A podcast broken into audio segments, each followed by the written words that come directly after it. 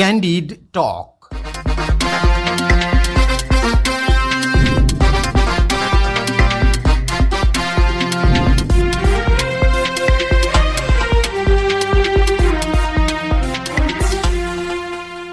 नमस्कार क्यान्डिड टकमा तपाईँलाई स्वागत छ म धीरज बस्नेत रेडियो क्यान्डिडको प्रस्तुति कार्यक्रम क्यान्डिड टक तपाईँले शनिबार बाहेक हरेक दिन बिहान साढे छ बजेबाट सात बजेसम्म आधा घन्टा सुन्दै आइरहनु भएको छ। समसामयिक विषयमा कुराकानी हुने यो कार्यक्रम तपाईँले काठमाडौँ उपत्यका र आसपासका जिल्लामा बयानब्बे दशमलव सात मेगाहर्जमा रेडियो क्यान्डिडको आधिकारिक फेसबुक पेजमा हाम्रो पात्रोमा रेडियो क्यान्डिडको एप्स डाउनलोड गरेर र पोडकास्टमा समेत सुन्न सक्नुहुन्छ। गुट र भागबण्डाको राजनीतिको विरोध गर्दै आएको नेपाली काङ्ग्रेसको डाक्टर शेखर कोइराला समूहले नै गुटको भेला गर्न सक्रियता देखाएको छ। बुधबार आफू पक्षीय नेताहरूको भेला डाकेर कोइराला समूहले सभापति शेरबहादुर देउबाको विरोध मात्रै गरेन। आफूहरूले न्यायोचित ढङ्गले भाग नपाए सङ्घर्ष गर्ने निष्कर्ष समेत निकाल्यो। सभापति देउबाले बिना मापदण्ड मनोमानी ढङ्गबाट केन्द्रीय सदस्य मनोनित गरेको सभापतिका उम्मेद्वार कोइरालालाई बायस गर्न खोजेको पनि ठहर गरेको छ। देउबाको कार्यशैलीको विरोध गर्दै त्यसको विरुद्ध उत्रिन बाध्य हुने चेतावनी दिएको कोइराला समूहले आफ्नो समूहबाट रामचन्द्र पौडेल आउट भएको घोषणा पनि गरेको छ। सभापतिमा पराजित कोइरालाले देउबा एकलौटी ढङ्गले अघि बढे पार्टीमा दुर्घटना निम्ति नसक्ने चेतावनी समेत दिएका छन्। कोइरालाको अभिव्यक्तिको अर्थ के हो? भाग माग्दैनौ भनेको यो समूह किन भागकै लागि कोकोहोलो मचाइरहेको छ? गुटको विरोध गर्ने यो समूह महाधिवेशन सकिएको एक महिना नपुग्दै किन गुटलाई सक्रिय बनाउँदैछ? यी प्रश्नको जवाफ आज हामी नेपाली काङ्ग्रेसका उपसभापति पदमा पराजित कोइराला समूहका नेता चन्द्र भण्डारीसँग माग्दैछौ। भण्डारीज्यू तपाईँलाई स्वागत छ क्यान्डी टकमा। धन्यवाद। सबैभन्दा पहिला चाहिँ यहाँहरू को छुट्टै एउटा समूहको बैठक बस्यो र बैठकले के निष्कर्ष निकाल्यो भने अब आफ्नो समूहलाई यसै गरी पेलेर जाने हो भनेदेखि हामी चुप लागेर बस्दैनौँ भन्ने तपाईँहरूको बैठकले निष्कर्ष निकाल्यो। तपाईँहरू छुट्टै बैठकमा बस्नुपर्ने आवश्यकता किन आइपर्यो कङ्ग्रेसमा? मिडियाहरू मार्फत सामाजिक सञ्जाल मार्फत र तपाईँले जुन प्रश्न सोधिराख्नु सोध्नु भएको छ। यो नितान्तै यो भेलालाई नबुझिकन सोधेको प्रश्न हो। हामीले नेपाली कङ्ग्रेसको चौधौँ महाधिवेशनमा एकातिर शेरबहादुर देउपा अर्कोतिर चाहिँ डाक्टर शेखर कोइरालाको समूह भएर हामी निर्वाचन गरेका थियौँ।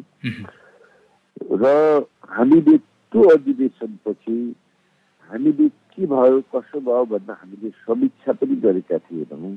कहाँनिर त्रुटि भयो वा के भयो भन्दा यसको केवल समीक्षा गरेको यो चाहिँ कुनै गुड उपगुड र कुनै कुराको लागि यो गरिएको होइन। तर तपाईँले यसो भन्दै गर्दाखेरि भेलामा के कुरा उठ्यो भनेदेखि सभापतिले आफ्नो तरिकाले आफूले नजिक ठानेका वा आफूलाई मनपर्ने व्यक्तिमा मात्रै मनोनयन गर्ने नियुक्ति दिने प्रक्रिया सुरु भयो यो चाहिँ हामीलाई सही छैन भन्ने कुरा त त्यहाँ त उठ्यो।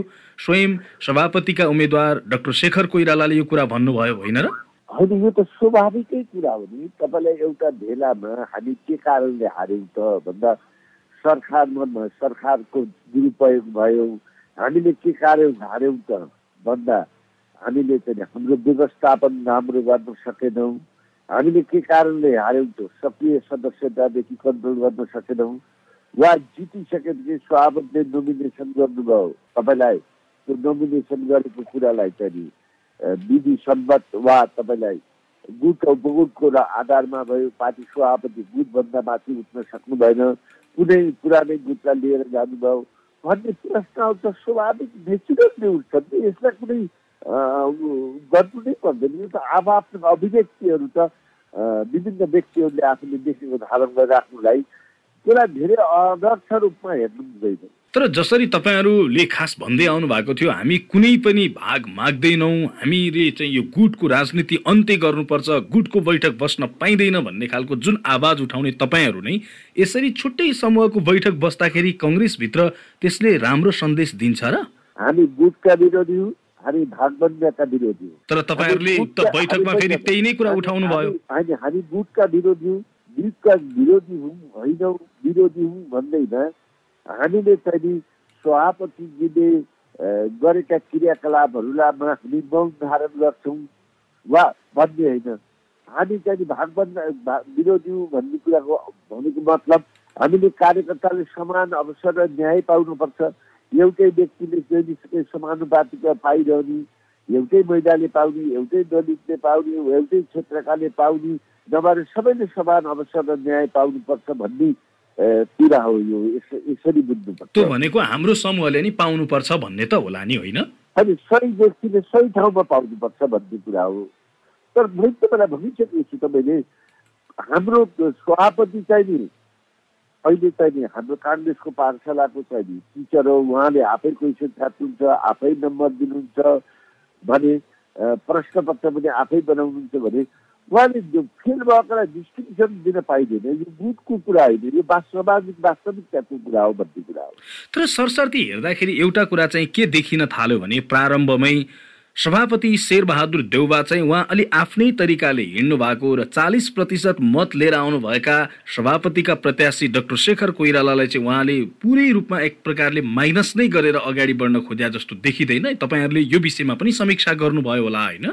होइन तपाईँले राजनीतिमा कस्तो हुन्छ भने शक्ति राजनीति भनेको शक्ति प्राप्त शक्ति प्राप्त भनेको सत्ता हो। सत्ता प्राप्त भनेको अरू देशको जस्तो होइन हाम्रो जस्तो अन्डर अन्डर डेभलप कन्ट्रीहरूमा तपाईँलाई आफ्नो परिवार सम्पन्न गराउने गुण बनाउने सत्तामा बसिरहने प्रवृत्ति हो हाम्रो यो।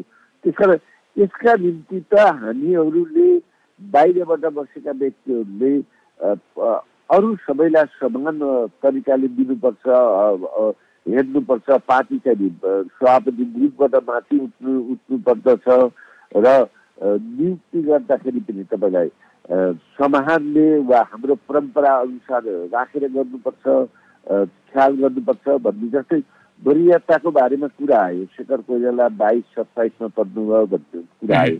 यो कुरामा त तपाईँलाई हाम्रो आदरणीय नेता शेरबहादुरजी नै दसौँ अधिवेशनबाट गिजाउसित उठ्नु छ। गिजाउले उहाँलाई चाहिँ नि तेस्रो नम्बरमा वरियतामा राख्नुभएको थियो।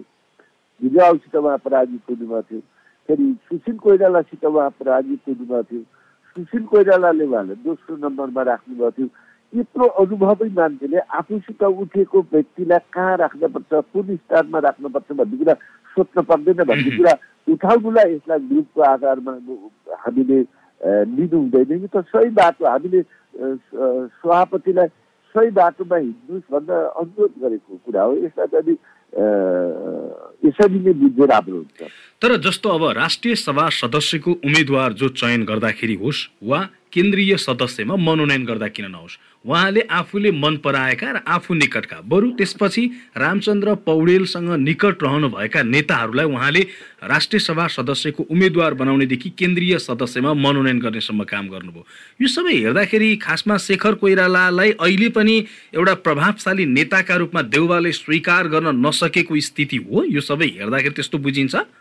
होइन एउटा कुरा के हुन्छ भने सत्य तिसौँ वर्षसम्म सत्तामा बसिरहेका भागभन्दा गरेर लिइरहेका व्यक्तिहरू जसको सत्तामा बसिरहँदाखेरि कुनै पनि धेरै ठुलो लामो दोकान चलाइरहेका व्यक्तिहरूको पुरानो भयो नयाँ डिजाइन चाहिँ केही ल्याउँदैन सामानहरू पनि पुरानो मात्रै राख्छ भने त्यो दोकान चल्दैन नचलिसकेपछि त्यो दोकानको मालिकले के गर्छ भने ल मैले दुईवटा सामान दिन्छु दुईवटा सामान किन एउटा फ्रीमा भन्छ नि। त्यस्तो लामो समय चलेका नेताहरू भागबन्द गरेर खाएकाहरूलाई नयाँ मानिसहरू आउँदाखेरि त्यसले ईर्ष्याले पोल्ने स्वाभाविक त्यस्तो हुन्छ हाम्रो जस्तो नेपालको देशमा। किनभने चुनावमा त्यस्तो परिणाम निस्कन्छ। त्यस कारण यो अहिले शेरबहादुर डाक्टर शेखरको आव आगमनलाई धेरै व्यक्तिले नपचाएको हुनसक्छ त्यस्तो देखिन्छ जस्तो अहिले शेरबहादुरसित जुन व्यक्तिहरू हिजो रामचन्द्र पौडेलजीले यो अहिले शेखर उठेको समूहलाई अगाडि बढाउनु भएको थियो वा पौडेल समूहको नामले परिचित थियो। जब उहाँलाई चाहिँ शेखर समूहले के भन्यो भने तपाईँ प्रकाश दसैँलाई मिलाउनुहोस् वा शेखर मिलाएर उठ्नुहोस् भन्यो। प्रकाशजीले नमानिसकेपछि उहाँ नउठेको नसक्छ यो समूहको चाहिँ उहाँ नेता पछिबाट उहाँले जब आफू हुनु भएन नभइसकेपछि उहाँ त त्यो घरमा नै आगो लगाइदिनु भयो। जस्तो तपाईँले भन्नुभयो अनुसार खासमा देउबाले मात्रै होइन। रामचन्द्र पौडेलले पनि शेखर कोइरालालाई एउटा नेताका रूपमा प्रभावशाली नेताका रूपमा स्वीकार नगरिराखेको जस्तो देखिँदैन यो अहिले पछिल्लो घटनाक्रमहरूले। होइन त यो समूह नै छोडेर गइसक्यो। यो समूहको नै अस्तित्व बेचेपछि यो समूहलाई नै आगो लगाइदिइसकेपछि त उहाँले आश गर्दा पनि हुँदैन। त्यो पनि त त्यत्तिकै सशक्त कुरा हो नि। भनेको अब रामचन्द्र पौडेल तपाईँहरूसँग हुनुहुन्न। यहाँ त त्यत्रो तपाईँले देखिरहनु छ भने त सेल लगाइहाल्नु नि एउटा सेलमा लाए बापत तपाईँलाई एउटा मन्त्री प्राप्त गरिसक्नु हो प्रदेशमा सेल लाए बापत जुन शेरबहादुरजीहरूसित भागबद्ध गरिरहनु भएको छ दिनुभएको छ त्यो त हामीले देखिरहेका छौँ नि। भरे उहाँहरू आदरणीय नेता हो तर आदरणीय नेताहरू जीवनको उत्तरार्धमा वनवास लाग्ने बेलामा जीवनको पश्चाताप गर्ने बेलामा यस्तो काममा लाग्दाखेरि मुलुकले कसरी विकास पाउँछ? आज यति रामचन्द्रज्यूले यही गर्ने भए प्रकाशमानज्यूले यही गर्ने भए हिजो शेरबहादुरजीलाई किन गाली गरेको त? सडक सडकमा किन गाली गरेको? किन सामाजिक सञ्जालमा असक्षम बनेको त? अर्को कुरा शशाङ्क कोइराला पनि तपाईँहरूको समूहमा अब रहनु भयो कि भएन? धेरै कुरा उहाँहरूलाई सोध्नु होला तपाईँहरूको हिजोको बैठकको निष्कर्ष चाहिँ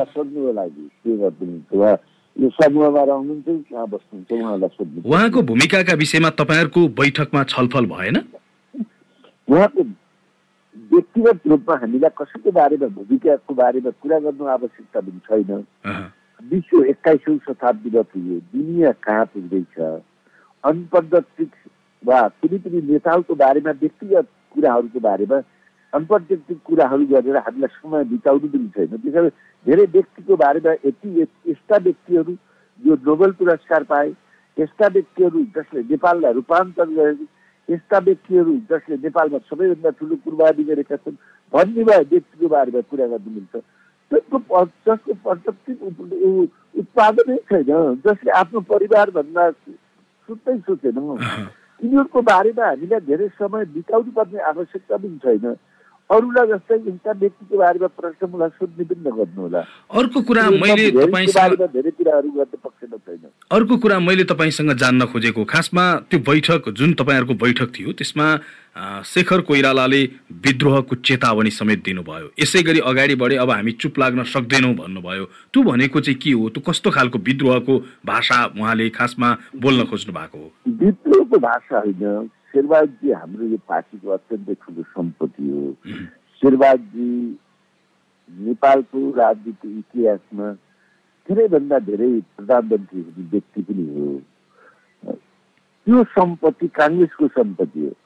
त्यो सम्पत्ति त्यति माथि उठेको व्यक्तिले एउटा सीमित घेरामा बस्नु हुँदैन भन्न उहाँलाई त्यो घेराभन्दा बाहिर निस्कन खोजेको जस्तै महाभारतमा तपाईँलाई तपाईँलाई यो सकुनीको जालमा र छोराको महत्वाकांक्षामा जसरी महाभारत युद्ध हुन्छ सबै पाण्डवहरू सिद्धिन्छ कौरवहरू सिद्धिन्छन् त्यस्तै सीमित व्यक्तिको घेरा र उनीहरूको स्वास्थमा पार्टी सभापतिलाई कुनै आघात नपरोस् कङ्ग्रेसलाई कुनै क्षति नहोस् भन्ने अभिव्यक्ति हो यो यसलाई अनर्थ लिनु हुँदैन। अर्को कुरा प्रारम्भमा तपाईँहरूले हेर्दाखेरि महाधिवेशन पछिको पहिलो समीक्षात्मक बैठक बस्दै गर्दाखेरि सभापति देउबालाई जुन ढङ्गले उहाँ अगाडि बढ्नु भएको छ त्यसले तपाईँहरूले अब त्यो अब चाहिँ अब चाहिँ सहकार्यभन्दा ज्यादा सङ्घर्ष गर्नुपर्ने अवस्थामा देउबाले पुर्याउँदै हुनुहुन्छ भन्ने महसुस गर्नु भएको हो तेह्रौँ समयलाई पर्थ्यो समयमा उहाँ कसरी जानुहुन्छ?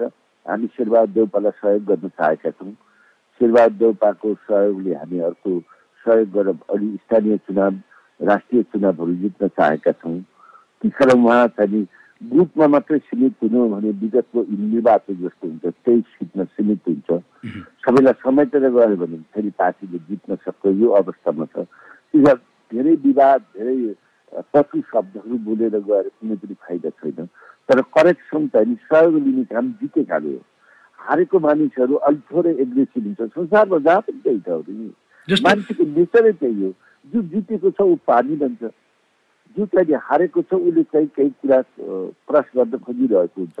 यसलाई ब्यालेन्स गराएर जान त नेता बनेको यो त नेचुरल कुरा हो। यसरी नै तपाईँहरूले पनि बुझ्नुपर्छ। जस्तो बिहानीले दिनको सुरुवात गर्छ वा बिहानीले दिनको सङ्केत गर्छ भने जस्तो देउबाको अहिलेको जुन शैली छ कार्यशैली जुन अपनाइरहनु भएको छ त्यसले चाहिँ तपाईँहरूले कस्तो सङ्केत पाउनु भएको छ भन्ने कुरा पनि त महत्त्वपूर्ण पहिलो नियुक्तिले।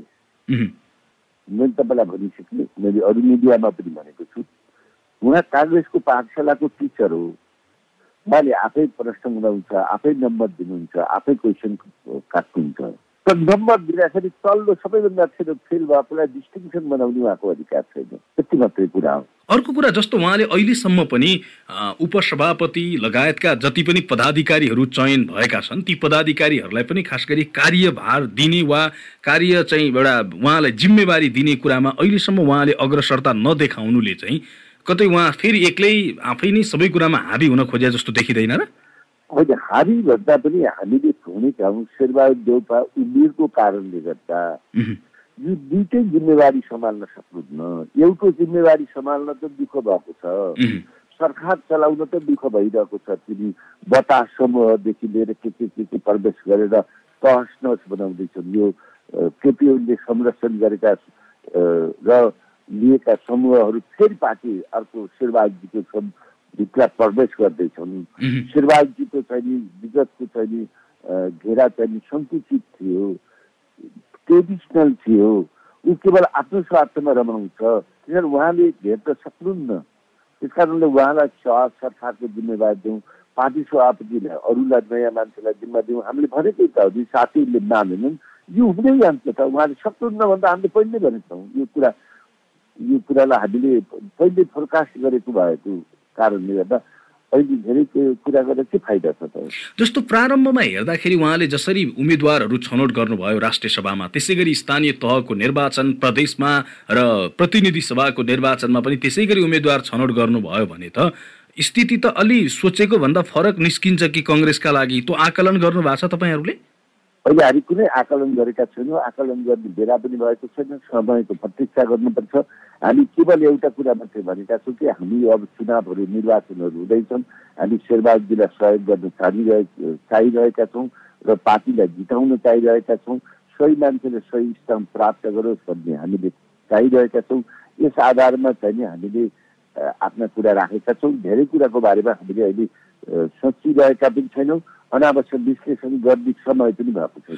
कङ्ग्रेसलाई नजिकबाट निहालिराखेका केही विश्लेषकहरूले के भनेका छन् भने देउबाकै अनुहार देखाएर अहिले कङ्ग्रेस चुनावमा जान्छ भने कङ्ग्रेसले भने जसरी पहिलो स्थान हासिल गर्ने वा बहुमत ल्याउने सम्भावना छैन भनिराखेका छन्।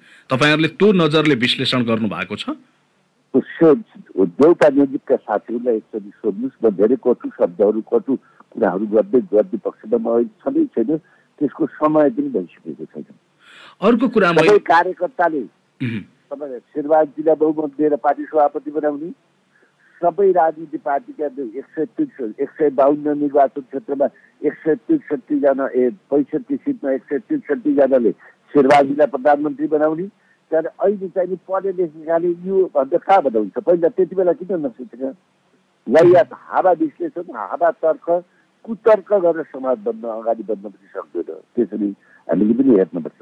अर्को कुरा खासमा चाहिँ अब जसरी अहिले अहिले नेपाली कङ्ग्रेस अगाडि बढिराखेको छ र सरकारको नेतृत्व गरिराखेको छ गठबन्धनको हिसाबले गठबन्धन सामेल छ सरकारमा यो गठबन्धन सँगसँगै चुनावसँग अगाडि बढ्छ कि अब गठबन्धन चाहिँ चुनाव नजिकिएसँगै आफ्नो आफ्नो तरिकाले निर्वाचनमा अघि बढ्नुपर्छ भन्ने तपाईँहरूको राय हो?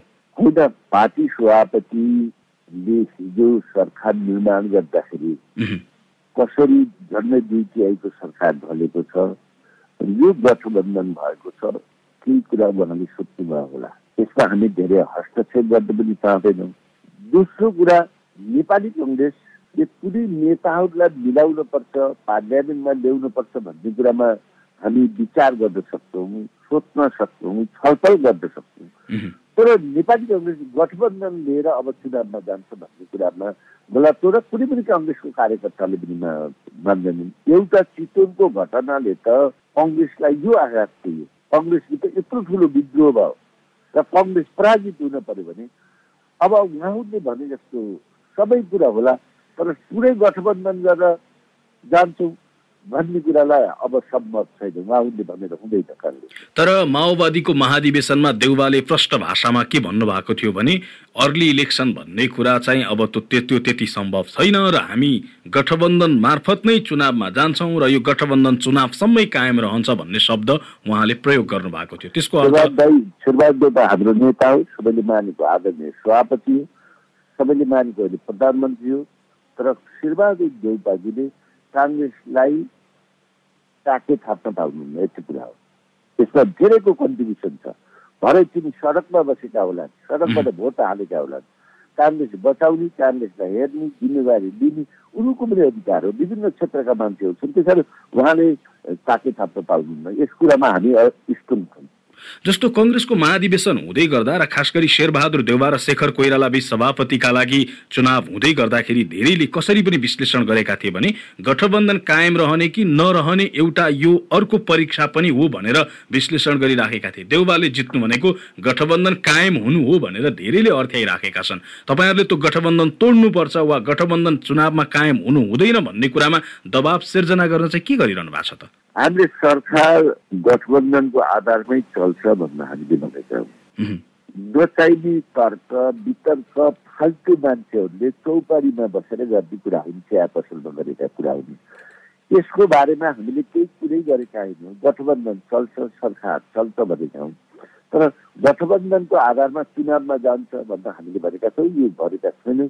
यो कुनै निर्णय पनि भएको छैन यसको बारेमा छलफल पनि भएको छैन यो चिया पसलमा गर्ने गफडीहरूका गफ हुने कुरा अब मैले राखेँ ल भनेको गठबन्धन चुनावमा चाहिँ अगाडि बढ्दैन तपाईँहरू कङ्ग्रेस र अरू दलहरू आफ्नो आफ्नो तरिकाले चुनावमा लड्छन् भन्ने हो प्रष्ट रूपमा चाहिँ मैले भनिसकेँ यसको बारेमा नेताहरूको समायोजन गर्ने कुरा नेताहरूलाई पार्लियामेन्टमा ल्याउने कुरा केही छल छलफल हुन सक्छ तर तलदेखि माथि काङ्ग्रेस गठबन्धनमा कहाँबाट जान सक्छ त? जान सक्छ। हस् यहाँलाई समय र सम्वादका लागि धेरै धेरै धन्यवाद। धन्यवाद।